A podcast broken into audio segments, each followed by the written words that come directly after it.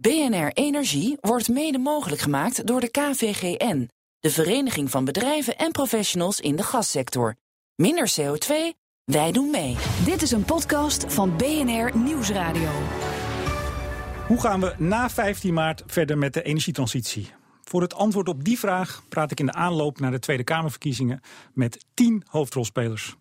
Mijn naam is Remco de Boer en mijn gast werkte voorheen bij Milieudefensie en is nu campagneleider klimaat en energie bij Greenpeace. Hij was in 2013 betrokken bij het afsluiten van het energieakkoord en is nu betrokken bij de uitvoering ervan. Hoe kijkt hij als activist voor de schermen en onderhandelaar erachter naar onze overgang naar duurzame energie? Ik vraag het aan Joris Wijnhoven. Hartelijk welkom. Dankjewel. Uh, met VVD'ers Henk Kamp als minister, Ed Nijpels als voorzitter van de, uh, ja, de uitvoeringscommissie, zou ik maar zeggen, mm. van het Energieakkoord, hebt u twee fanatieke medestrijders. Uh, dat wordt VVD-stemmen, denk ik, hè, binnenkort. Nou, ik denk het niet. er zijn nog een paar andere issues op de wereld. maar ze, ze, ze staan pal voor het, voor het akkoord, hè? Ze staan pal voor het energieakkoord, dat is zeker waar. Dat is ook wel hun verdienste, ja. De SP die strijdt inmiddels uh, fel tegen de windmolens in Drenthe. Uh, ik zag u laatst op Twitter nog in gesprek met de fractievoorzitter GroenLinks Soetermeer. Die ook uh, geen windmolens in zijn gemeente uh, wil. Wat dat betreft zijn het wel verwarrende tijden.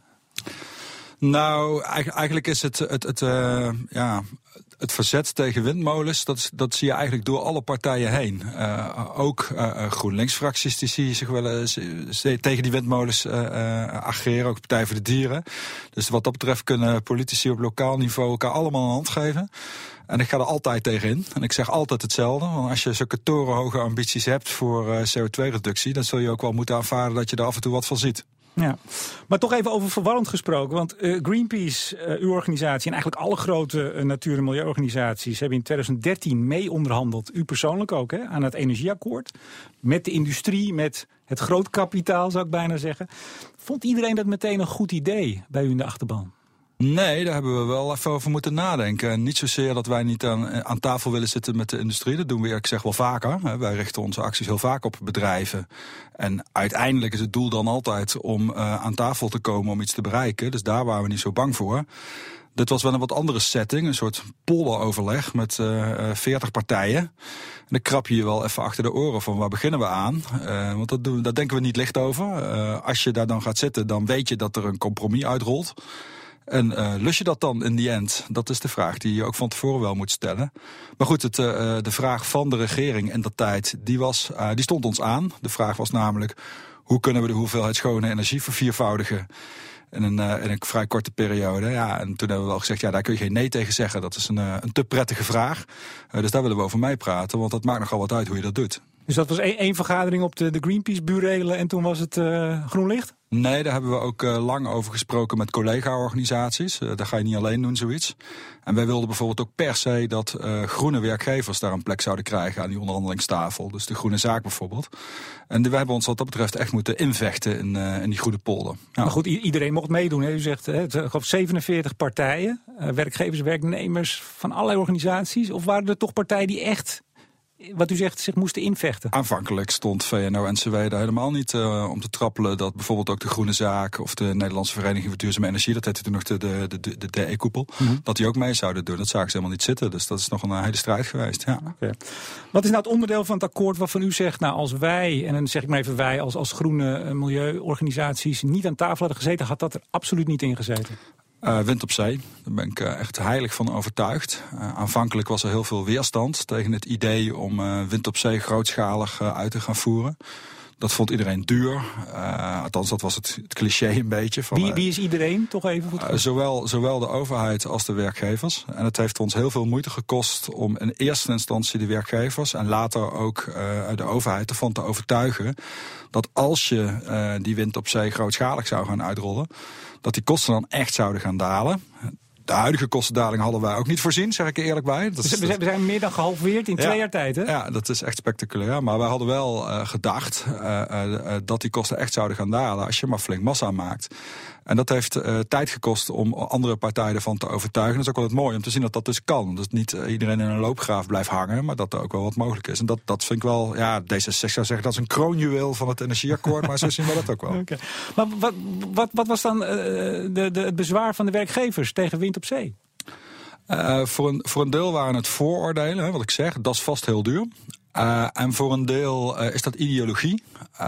Namelijk die aanpak voor wind op zee, die is zo succesvol geweest omdat de overheid zich daar enorm mee heeft bemoeid. He, zorgen dat Tennet de kabels aanlegt, grootschalig uitrollen, heel veel overheidsbemoeienis met de vergunningen.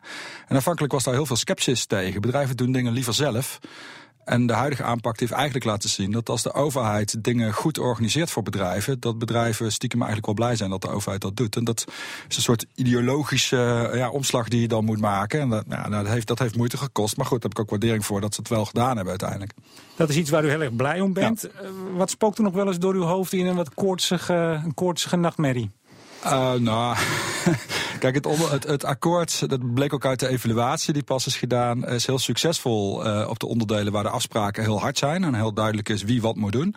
En het akkoord is wat minder uh, succesvol op plekken waar die, die, die afspraken minder duidelijk zijn. Bijvoorbeeld de afspraken die wij dachten te hebben met de industrie. Die zouden een bepaalde hoeveelheid energie gaan besparen. Nou, ik zou je de technische details besparen, maar zeg maar 10% van het hele akkoord zou ongeveer door de industrie gedaan moeten worden. En dat komen zij niet na. En dat zit er een beetje in dat je wel een afspraak kunt maken met VNO of met brancheorganisaties, maar daarmee heb je een individueel bedrijf nog niet uh, uh, gecommitteerd. En je ziet dus dat de, de, de prestaties uh, die de bedrijven beloofd hadden echt flink achterblijven bij de ambities die we hadden. En ja, daar moet nou dus ook de knut overheen. Dus de minister heeft gezegd, dan ga ik het maar verplichten. Ik wou net zeggen, dat is dan die, toch voor de insiders die meeluisteren, de 9 petajoule ja. die bespaard moet worden, toe, doorge, toegegeven door VNO-NCW in het onderhandelingsproces. Ja. Maar goed, wat u zegt, en dat heeft minister Kamp al een tijd geleden gezegd, nou ja, als ze het niet vrijwillig doen, dan, dan zeg, zet ik het gewoon in de wet. Dus op zich toch geen probleem. Daar wordt u toch niet wakker van Ik word nergens wakker van uh, op dit vlak, kan ik u verzekeren. Het is ongezond om wakker te liggen van je werk. Um, nee, op zich lig ik daar niet wakker van. Het is wel... Uh, uh, een beetje zoiets van ja, daar gaan we weer. Hè, van bedrijven die beloven een bepaalde prestatie te zullen, te zullen leveren. Die 9 petajoule. Ja, en dan haal je drie jaar later het netje op en dan blijkt er 2, 2,5 petajoule te zijn geleverd. En als de minister dan vervolgens zegt, ik ga het wettelijk verplichten, dan is de hut werkelijk te klein. U wil niet weten uh, wat voor tafereelen zich daar achter de schermen uh, afspelen met bedrijven die moord en brand schreeuwen. Uh, dat, ze, dat ze een piepkleine besparingsprestatie moeten leveren. Overigens dezelfde bedrijven die campagne voeren onder de leus voor het klimaat. Ik kan dat niet rijmen, maar goed. 2013 hebt u dat akkoord afgesloten met al die partijen. U bent nu ook betrokken bij de uitvoering. Wat is nou precies uw taak? Um, voor een aantal uh, onderdelen van het energieakkoord moeten wij gewoon leveren. Dus wij hebben bijvoorbeeld in dat tijd afgesproken dat we een gedragscode zouden sluiten met uh, de bedrijven die windmolens bouwen. Over de manier waarop dat op een fatsoenlijke manier gaat. Bovenop wat dan moet van de wet. Nou, daar hebben we een gedragscode over gesloten. Uh, we hadden beloofd dat we uh, met de bedrijven die biomassa gebruiken duurzaamheidscriteria zouden opstellen. Zijn we, dat is nog niet klaar, maar daar zijn we nog steeds mee bezig. Dus mm -hmm. daar zitten we gewoon uh, onze taak uit te voeren. We hebben bijvoorbeeld beloofd aan bedrijven die um, bepaalde technieken in huizen installeren, zonneboilers, pelletkachels, dat soort dingen, dat wij die zouden helpen promoten. Dus dan bouwen zij een website en dan promoten wij die onder onze achterban. Dus in die zin zijn wij, moeten we zelf dingen doen.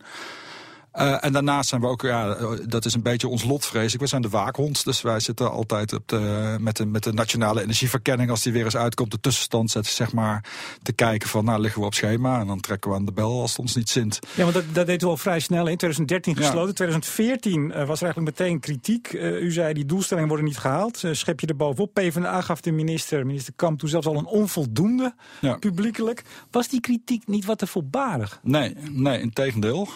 ik denk wel eens hadden we wel nog veel harder moeten, moeten spelen. Uh, toen we het energieakkoord sloten, toen zeiden de planbureaus, dus SCN en PBL, uh, uh, eigenlijk meteen al bij...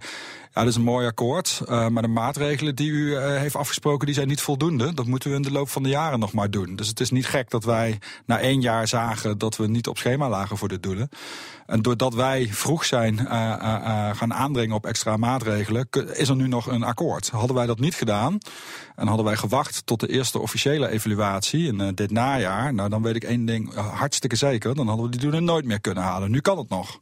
Maar, maar die kritiek die er eigenlijk al heel snel was, en minister Kamp is dan een beetje de kop van Jut hè, als, als uh, verantwoordelijk minister, uh, die is niet meer verstomd. De SP, uh, onlangs nog in de Kamer, die, die dreigde zelfs met een motie van wantrouwen om, om een, een windpark, wat eigenlijk ook is afgesproken in de zin van het, het aantal megawatts. Um, Kamp zei, ik haal dat energieakkoord. Dat zei hij toen, dat zegt hij nu. En het lijkt er toch op, of als ik onjuist heb, corrigeert u mij, dat hij het ook echt gaat halen. Hij komt een heel eind, dat, dat denken wij ook. Uh, maar mede uh, dankzij de milieubeweging, die hem elke keer eraan heeft helpen herinneren dat hij nog niet op schema lag. Maar u kent dus... Kamp ook als, als, een, als een, een echt een, een rechtlijnige, hè, zo wordt hij vaak neergezet. Iemand ja. die zegt, ik doe dat, dan ga ik dat ook doen. Is het nou echt dankzij u en de groene, uh, groene lobby dat het, anders had hij het echt niet gered, denkt u? Uh, nou, voor zover er uh, onwil zit bij de overheid, zit hij bij uh, zijn partijgenoot Blok. dat, dat is de lamenterende minister, die slechts in beweging komt als het echt niet anders kan. kijk, Kamp die gaat natuurlijk vooral over het opwekken van schone energie. Dat is één pijler van het energieakkoord. Het uitzetten van de codecentrales, hè, de eerste vijf, wat we ook hadden afgesproken. Hij gaat over de industrie, maar minister Blok die gaat over de gebouwde omgeving. En dat is een heel groot deel van het energieakkoord waar we het verste achter lagen en liggen op schema. En waar dus het meest extra beleid nodig is. En onze ervaring wel is dat minister Blok alleen maar in beweging komt tegen de tijd dat het vuur bijna onder zijn stoeltje brandt. Uh, dus uh, als er al een probleem zit, zit het vooral daar. Maar ook daar gaat het dus goed. Ik bedoel, hij, doet, hij komt wat laat in actie, maar hij komt wel. Uh, daar, daar zeg ik heel zuinigjes, daar is het nog denkbaar dat we de doelen halen, ja. Oké, okay, oké. Okay. Zuiniger kan het niet. Nee. Um, u had het net over die industrie, hè, die, als ik het een beetje vrij vertaal, uh, nou niet heel erg hard loopt uh, bij de uitvoering van het akkoord. Um, minister Kamp zegt, dat zei hij ook nog van de week tegen de SP over die windparken. Hij zegt, ja, we hebben gewoon afspraken gemaakt, zoveel wind, uh, zoveel, nou zon niet exact, hè, maar in ieder geval, er zijn hoeveelheden afgesproken. Ja. De kolencentrales, u, u noemde ze al, uh, vijf dicht van de tien. Um, maar nu bent u ook actie aan het voeren om die andere vijf, uh, waar eigenlijk geen afspraak over was om die dicht te doen, om die toch dicht te doen. Ja. Is dat dan niet op gespannen voet met de afspraken die gemaakt zijn, ook met de industrie, de eigenaren van die centrales nee. voor een deel? Nee, kijk, we hebben, we hebben heus wel uh, gesproken uh, tijdens het afsluiten van het energieakkoord en de onderhandelingen over de vijf uh, codecentrales die nu nog openstaan. Die overigens gezamenlijk een veel groter vermogen hebben dan die vijf die we sluiten, maar dat terzijde. Uh, maar daar zijn we niet uitgekomen. Uh, daar had best een deal over, was best over denkbaar geweest, maar die is er niet gekomen.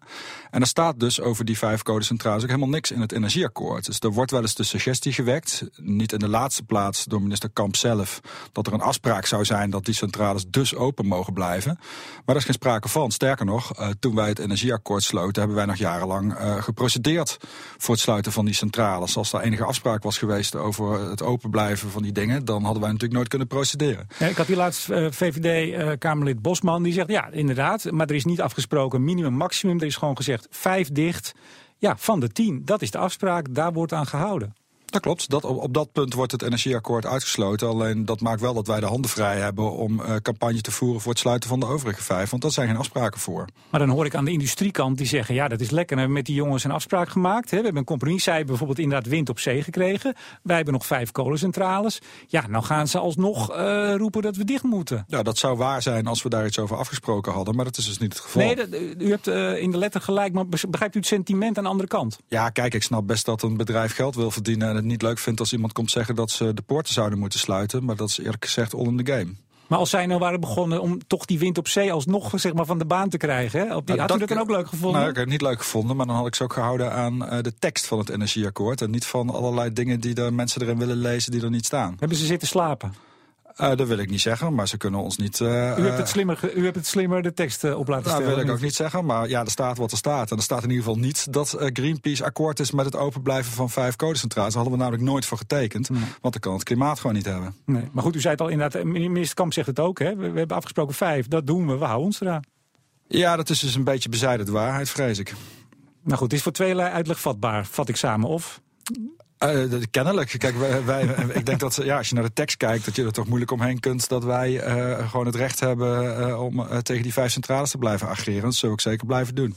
Een andere hete hangijzer, maar dat heeft wel verband met die kolencentrales, is biomassa bijstoken. Ja. Dat is een, een, een vorm van duurzame energie. Althans, zo is het afgesproken in Europa. Als je houtpellets van resthout, dat is dan even het punt. U noemde het net al, hè, u onderhandelt nog over de, de eisen waar het hout aan moet voldoen. Ja. Dan is dat duurzame energie. Um, u, u ageert daartegen, zeg ik dat goed? Nou kijk, dit is een onderdeel van het energieakkoord waar wij, waarover wij de vlag niet uitsteken. Uh, klopt, er had, had, nog veel meer uh, hout bijgestookt zullen worden in kolencentrales als we het energieakkoord niet hadden gesloten. Maar het maximum van 25 petajoule, wat er binnen het akkoord nog wel kan, is nog steeds een hele hoop. En daar zijn wij niet vrolijk over. Daar staan we wel voor, uh, maar we zijn er niet vrolijk over. Desalniettemin, als je kolencentrales zou sluiten, omdat je denkt dat het bijvoorbeeld nodig is om aan de doelstellingen van het klimaatakkoord van Parijs te voldoen een akkoord dat na het energieakkoord is gekomen. En je zegt van ja, daar wil ik ook aan voldoen, dus die kolencentrales moeten zo dicht. Ja, een centrale die dicht is, kun je geen biomassa opstoken. Dus daar moet je dan een plan B voor verzinnen. Maar... bijvoorbeeld door die biomassa te gebruiken in de industrie. Waarmee je warmteketels kunt stoken. Wat alvast een veel beter idee is dan in een kolencentrale. Want dan heb je een hoger rendement. Ja, want ik wilde u net vragen, bent u nou tegen biomassa of tegen biomassa in een kolencentrale? Nou, kijk, het eerste wat je moet realiseren is dat de hoeveelheid duurzame biomassa op deze aarde niet oneindig is. iedereen uh, kan best technieken verzinnen om uh, warmte of elektriciteit op te wekken of zijn auto te laten rijden op biomassa. Maar dan moet je je ook realiseren dat het spul ergens vandaan komt. Ruimte is een schaars middel op deze aarde. Dus niet elke sector kan zichzelf rijk rekenen met biomassa. Als je nou gaat kijken welke sector in elk geval zonder kan, dan is het wel de elektriciteitssector. We hebben wel betere technieken om elektriciteit op te wekken. Dus je schaarse biomassa die je hebt, gebruik die alsjeblieft op de plekken waar alternatieven veel minder goed te vinden zijn. Bijvoorbeeld uh, de scheepvaart of in de toekomst de luchtvaart, uh, of de industrie. Hm. Want kerosine kun je maar heel lastig vervangen door wat anders. Dus daar zul je die biomassa nog hard nodig hebben. En stook hem alsjeblieft niet op in een codecentrale. Als je theoretisch uh, naar kijkt. Ja. Dat gezegd hebben, onze handtekening staat. Daar uh, doe ik niks aan af. Maar enthousiast word ik er niet van, nee. Maar nou, nou zijn u in, dus eigenlijk niet, niet als, als eh, stroombron, zeg maar. Maar nou, nou, nou, zag ik in, in 2014, uh, hebt u eigenlijk gezegd van ja, die energiebedrijven die gaan niet bijstoken. En dat moeten ze wel doen, dat hebben we afgesproken. En ik lees hier even een stukje uit het Financieel Dagblad. De partijen, dat was u onder andere, dreigen nu met juridische stappen, mocht deze impasse blijven bestaan. U wilde ze eigenlijk dwingen dat ze wel biomassa gingen bijstoken. Hoe moet ik dat dan rijmen? Ik had niet vol uh, waar, waar u aan refereert. Uh, nou, dit was een, een, bericht. Milieuorganisaties, energiebedrijven komen akkoord niet na. Uh, het was een artikel uit het uh, Financiële Dagblad. Waarin stond, ik wil het wel even voorlezen. Energiebedrijven E.ON, Nuon, Essent, GDF, Suez weigeren om hout in hun kolencentrales bij te stoken. Terwijl dit wel is afgesproken. Dit zeggen milieuorganisaties. Waaronder Greenpeace en Milieudefensie. U kent dit niet? Nee, ik had niet plaats eerlijk gezegd. Nee, ik zou, ik zou uh, met de kennis van vandaag de vlag uitsteken als die bedrijven zouden zeggen we stoken geen, geen snipper meer bij. Uh, dan, zou, dan zouden ze een lelijk probleem hebben in een financiële huishouding, denk ik, want ze worden er erg rijk van. Uh, maar voor het milieu zou dat beter zijn. Maar het is toch gek dan dat het Financieel Dagblad het schreef. U bent campagneleider, dit is 2014, toen was u dat ook. Dat is toch raar, of niet? Nou, ik loop er niet voor weg, maar ik kan het me niet herinneren. Ik, ik had niet plaats, eerlijk gezegd. Goed, we hadden het net al even over uh, partijen die een akkoord sluiten. Uh, de industrie, u, en die dan nou ja, uh, het wel niet nakomen. Hier ging het in ieder geval toen in 2014 ook over. Hè. Wie, wie doet nou wel wat? Um, ik las het net al even voor. U wilde misschien toen ook naar de rechter stappen, maar zelfs even als we dit bericht terzijde leggen. U zegt nu ook, er gaat wel misschien te veel energie door die biomassa worden opgewekt. Meer dan de 25 petajoule die is afgesproken. En als dat nou ja, niet uh, minder wordt, dan overwegen wij ook een gang naar de rechter. Dat heb ik goed, hè? Dat klopt. Ja. Dat, dat, dat, dat, is, dat is weer een andere kwestie. Precies, ja. Nee, maar ik wil even naar, naar ja. het algemeen punt. Dus uh, uh, u, aan de ene kant, u bent natuurlijk Greenpeace, u voert uh, campagnes, acties. We kennen u van, van de speedboten en hè, de, de mm -hmm. publiekscampagnes. Het bewust worden van dat er iets moet veranderen. U onderhandelt mee, u hebt onderhandeld. Mm -hmm. maar u laat ook altijd die weg naar de rechter open. Denkt u niet dat partijen die met u onderhandelen op een gegeven moment denken... ja, dat is wel leuk als we met Wijnhoven uh, afspraken maken, maar straks staan we toch voor het hekje. Wel nee, dat doen bedrijven ook. Ik hoor namelijk wel dat ze dat wel soms ah, van ja, denken. Dat, dat, dat, dat, dat zal best en dat zullen bedrijven ons ook best proberen aan te wrijven. Alleen dat doen ze zelf ook. Hoe vaak ik bedrijven de afgelopen jaren al niet uh, heb uh, horen roepen van nou, ik zie je in de rechtbank of dat vechten we dan wel juridisch uit. Dat is bij bedrijven een doodnormale gang van zaken. Er zijn ook veel meer bedrijven die procedures aanspannen bij de Raad van State, bijvoorbeeld dan milieuorganisaties. Wij doen dat sporadisch. Bedrijven eerlijk gezegd aan de lopende band. Dus ik wil het beeld een beetje corrigeren dat wij degene zijn die zaken continu uh, ja, in het juridische trekken, terwijl bedrijven heilig zouden zijn. Maar het jaren, jarenlang juridische strijd tegen de kolencentrales gevoerd. Ja, zeker. zeker. We bedienen ons ook van dat middel als we denken dat we uh, daar wat mee kunnen winnen. Maar het is bepaald niet zo dat wij alles in een rechtbank zouden willen beslechten. Daar ben ik trouwens ook helemaal niet voor. Ik hmm. doe het veel liever uh, langs een middelijke route. Maar mag ik er bijvoorbeeld op wijzen dat de codecentrales zelf uh, terwijl wij het energieakkoord hadden gesloten, nog naar de rechter zijn gegaan om de codebelasting aan te vechten. Dat hebben ze gewonnen trouwens. Grappig genoeg hadden ze dat, hebben wij dat weggegeven in het energieakkoord. Dus wij hebben toen we het energieakkoord sloten gezegd van nou, als er vijf oude centrales dichtgaan vooruit, dan moet de kolenbelasting er maar aan geloven. Wij moeten ook iets inleveren. Maar intussen waren die bedrijven zelf dat ook al bij de rechter aan het eh, bevechten. Hebben ze nog gewonnen ook. Dus, uh... Had dat niet te maken met een, met een eerdere periode? Ik kan... Nee, nee, het ging om het principe. Hm. Ja, ja. Dus ik bedoel maar te zeggen, het is in Nederland vrij normaal dat partijen elkaar ook eens bij de rechter treffen. Ook al maken ze afspraken. Dat doen bedrijven aan de lopende band. Nee, maar u schaakt op drie borden. Hè? Dus en u, u uh, voert publiekscampagnes en onderhandelen en naar de rechter. Klopt, ja, ja wij willen heel graag uh, dat het klimaat gered wordt. Waar allerlei maatregelen voor nodig zijn. Daarbij bedienen wij van ons van allerlei middelen waar we denken te kunnen winnen. Ja. Hm. En is, is, u, u zei net aan het begin dat u moest even nadenken als organisaties of u mee zou doen aan zo'n onderhandeling traject, Wat denk ik toch alom eh, geprezen wordt, hè, dat dat gelukt is, dat energieakkoord. Um, u bent nu een aantal jaar op streek. Um, gaat u het weer doen als er een nieuw een nieuwe versie komt, zou ik maar zeggen? Dat weten we nog niet. Dat, uh... even principe. Van, is het bevallen om mee te praten aan tafel, mee te onderhandelen... en ze toch ook scherp te houden daarbij? Kijk, onder, onder de omstandigheden zoals, ik die zo even schetste... Uh, waarbij het kabinet een uh, interessante vraag voorlegde... aan de verschillende onderhandelingspartners... Uh, hebben we daar geen spijt van hebben we dingen in gang gezet die anders waarschijnlijk niet waren gebeurd. Maar er is nu weer een heel nieuw tijdsgevricht. De overheid heeft zelf zijn handtekening gezet onder het klimaatakkoord van Parijs. En eigenlijk zijn wij pas weer in voor gesprekken over een verlenging van het energieakkoord. Als de overheid laat zien dat het dat menens is. En ook de doelen die bij dat eh, klimaatakkoord van Parijs horen dan als uitgangspunt stellen. En je kunt van, van een milieuorganisatie niet verwachten dat wij willen praten over minder dan dat wat in Parijs is afgesproken. En daarbij is het probleem dat ik bij de meeste politieke partijen het besef nog niet zie uh, wat de consequenties zijn van het klimaatakkoord van Parijs. Dat is, dat is echt een heel ambitieus akkoord dus de afspraak dat we niet langer streven naar 2 graden opwarming van de aarde. Maar anderhalve graad, dat maakt ontzettend veel uit. Je hebt dus veel minder tijd eigenlijk om van fossiele brandstoffen af te komen.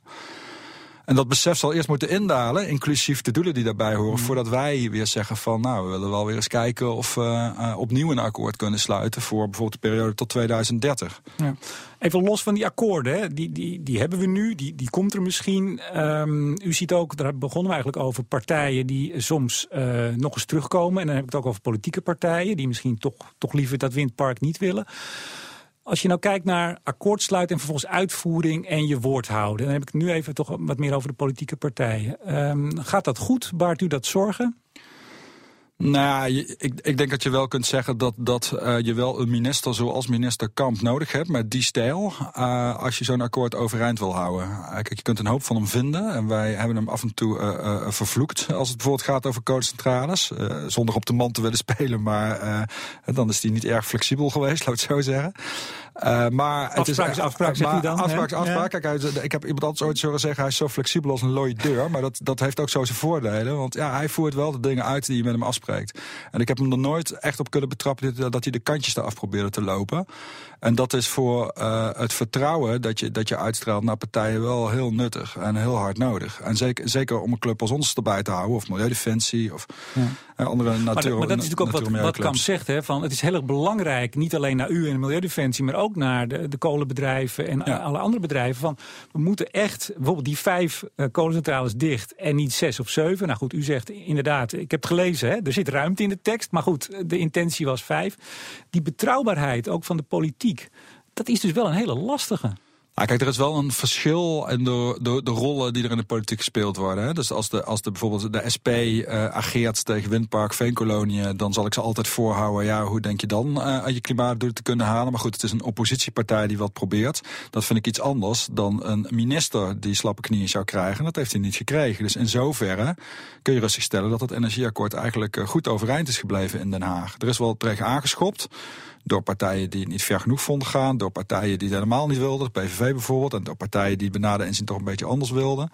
Uh, maar het is, het is toch een tamelijk robuuste constructie gebleven. Ja.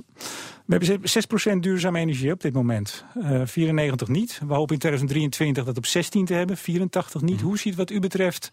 U, u, wilt de kolencentrale zo snel mogelijk dicht. Uw collega's Milieudefensie zijn toch in Groningen bezig. Ja. Gaswinning zo ja. laag mogelijk. Ja. Waar halen we nog onze energie vandaan? Uh, nou, uit alle, uit alle andere bronnen. Uh, en bovendien zullen we er een stuk minder van moeten gaan gebruiken. Kijk, we, we, sta, we staan voor een echt een immense opgave. Ik denk dat iedereen die een beetje verstand heeft van energie... Wie, wie, van de tien gasten die u de komende weken heeft ook te woord zal staan... die zullen allemaal zeggen dat we staan echt voor een gigantische opgave. En of, dat nou, of je daar nou nog een jaar of twintig voor hebt, zoals wij denken of een jaar of uh, 35, zoals misschien uh, meneer Bosman uh, heeft gezegd.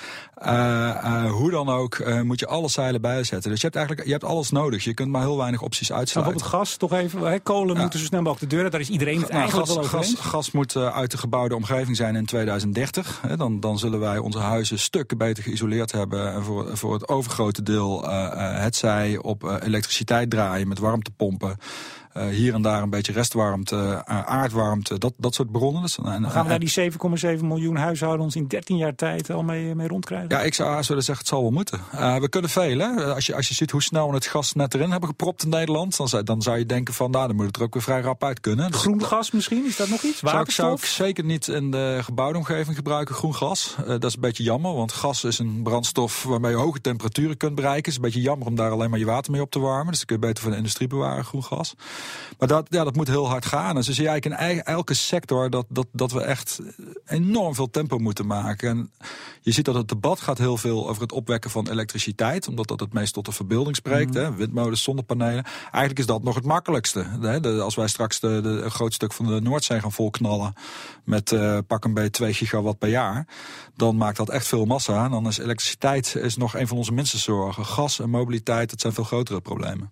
Gaan we dan ook als we heel veel zon en wind hebben, gaan we er ook dan weer gas van maken om het op te slaan in batterijen? Of hoe ziet u dat? Ja, ja zeker zo. Van dat, is een, dat is een terecht punt wat u stelt. Van, het waait niet altijd en, als het waait heb je soms een beetje te veel. Dus met name het distribueren van dat gas en het omgaan met of, eh, de elektriciteit en het omgaan met pieken. Dat is een van de belangrijkste vraagstukken. En dat zal voor een deel zal de oplossing zitten in interconnectie. Hè, dat je een, echt een, een prachtige grid in heel Europa krijgt. Voor een deel zit dat in, in opslag en voor een deel zit het in het sturen van de vraag. Het zal veel normaler worden in de toekomst dat je energie verbruikt als er is.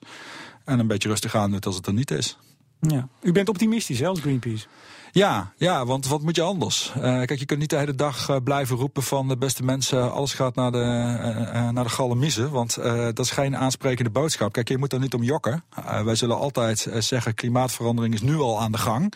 Het is niet iets wat, vaak wordt gezegd, ja, de generaties na ons. Nee, dat is nu al aan de gang. Nu zijn er al mensen op de loop.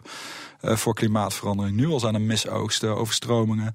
En als je, we zijn een mondiale Er is, wel discussie over of dat nou echt al aan klimaatverandering is toe te wijzen. Nou ja, daar is, daar is inderdaad door, door een paar uh, mensen die ik ervan verdenk dat ze denken dat de aarde plat is, nogal wel discussie over. 97% van de wetenschappers is het daar wel over eens. Dus dat is een, eh, een achterhoek. opwarming, maar nu niet zo of dat die vluchtelingenstroom en ook, en ook, en ook over de bijdrage van de mens daaraan. En weet je, als, als de weerman in hmm. Nederland, Gerrit Hiemstra, uh, ons welkom heet in ons nieuwe klimaat van de zomer toen, toen er hagelbuien waren en het voortdurend hard regende. Ik, ik, ik, hoop toch dat u niet nou alles ophangt aan Gerrit Hiemstra, met alle respect voor Gerrit Hiemstra. Absoluut niet, maar ik hang wel, ik hang wel een en ander op aan het KNMI. Dat is een gerenommeerd instituut. Okay. Uh, dus ik denk dat ernst, de ernst van de situatie die is volgens mij wel duidelijk. En daar is gelukkig in Nederland ontzettend weinig discussie over. Want anders zou je, ja, dan voer je volgens mij het verkeerde debat. Maar je moet wel uh, oog willen hebben voor de, voor de fantastische dingen die mensen kunnen om problemen ook te lijf te gaan. En, ja. dat, en, dat, en dat gaat, dat is wel het leuke. Wij maken elk jaar voorspellingen over hoe het zal gaan. En de praktijk haalt ons altijd in. Dus zelfs Greenpeace, hè, die er nog wel eens van verweten wordt een roze bril op te zetten. Zelfs wij verbazen ons dan weer van hoe snel het is gegaan met, met zon en wind bijvoorbeeld. Ja. Maar goed, we moeten ook nog een end, hè? Dus, uh... we zijn net begonnen. U hebt um, alle verkiezingsprogramma's doorgevlooid, heb ik begrepen. Um, ja, heel simpel. Wat is uw stemadvies? Uh, waar, waar, moet ik als... Uh, uh, bezorgd om het klimaat, ik wil duurzame energie. Op wie moet ik stemmen? Nou, dan moet je lekker zelf weten. ik, nou, ik, hoop toch voor, ik hoop toch van u als rots in de branding. U weet nee, het. Kan, ik, vraag het aan u. Kijk, wij hebben samen met een aantal andere natuur- en milieuorganisaties een, een stemwijzer laten maken. De groene stemwijzer. Daar rolt geen advies uit in de zin van uh, uh, de Partij voor de Dieren is het groenste en bij de PVV moet u niet wezen. Maar daar kun je dus zelf aan de hand van 30 stellingen kijken welke partij het dichtst bij staat. En dat is een stemadvies waar ik erg van hou. Dan uh, mogen mensen zelf kijken uh, welke partij het dichtst bij hun opvattingen staat in die zin. Mm. We hebben, ik heb natuurlijk ook gekeken van wat staat er inhoudelijk. En daar zie je wel een onderscheid tussen partijen. Je ziet dat er een kopgroep is van partijen. En dan heb ik het over de Partij van de Arbeid, GroenLinks, de ChristenUnie, de Partij voor de Dieren en D66 die in elk geval een programma vastleggen dat je zo in 2030 toch wel 55% CO2 moet hebben gereduceerd, wil je aan de akkoorden van Parijs voldoen. Dat is nog denk ik een beetje weinig, maar uh, die geven in ieder geval, die laten zien van wij snappen dat daar een flinke ambitie bij hoort, heel wat hoger dan Europa. Dan heb je een groep partijen die in ieder geval erkent dat er een akkoord van Parijs is en dat je daaraan moet voldoen. De SP, het CDA, de VVD, dat is mooi. En dan heb je nog uh, de PVV die uh, erover twijfelt of er wel zoiets als klimaatverandering bestaat. Nou, dat die maar even buiten beschouwing. Dat durf ik, dat durf ik toch wel te zeggen als je van het... Maar, maar, maar, mag ik even, u, ja. u had het over die kopgroep. Hè? Ja. Nu D66. U schreef in oktober in NRC, in NRC een opiniestuk. Zolang D66 in gemeente en provincie windmolens blokkeert, mag de partij zich niet groen noemen.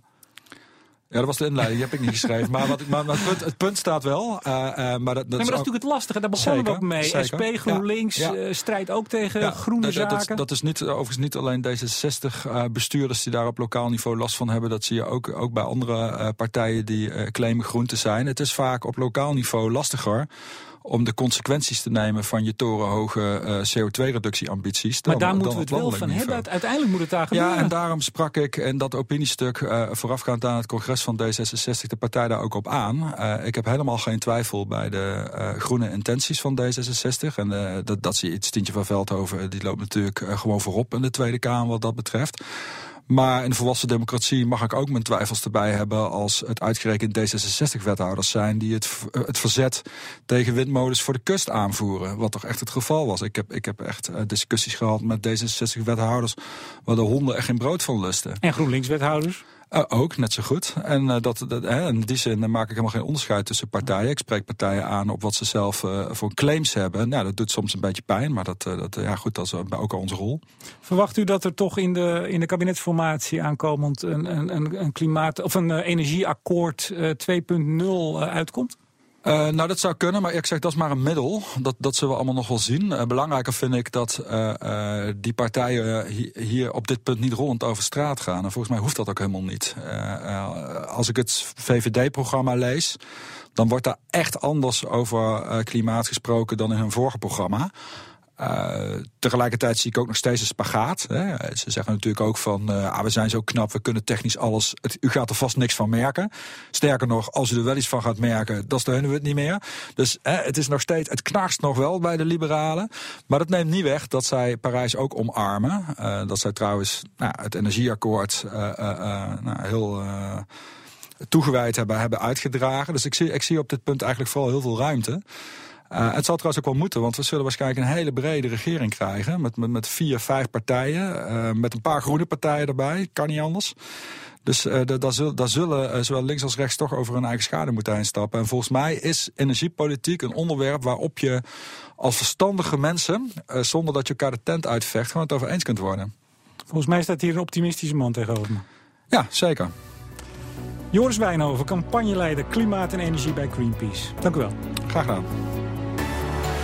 BNR Energie wordt mede mogelijk gemaakt door de KVGN, de Vereniging van Bedrijven en Professionals in de Gassector. Minder CO2, wij doen mee.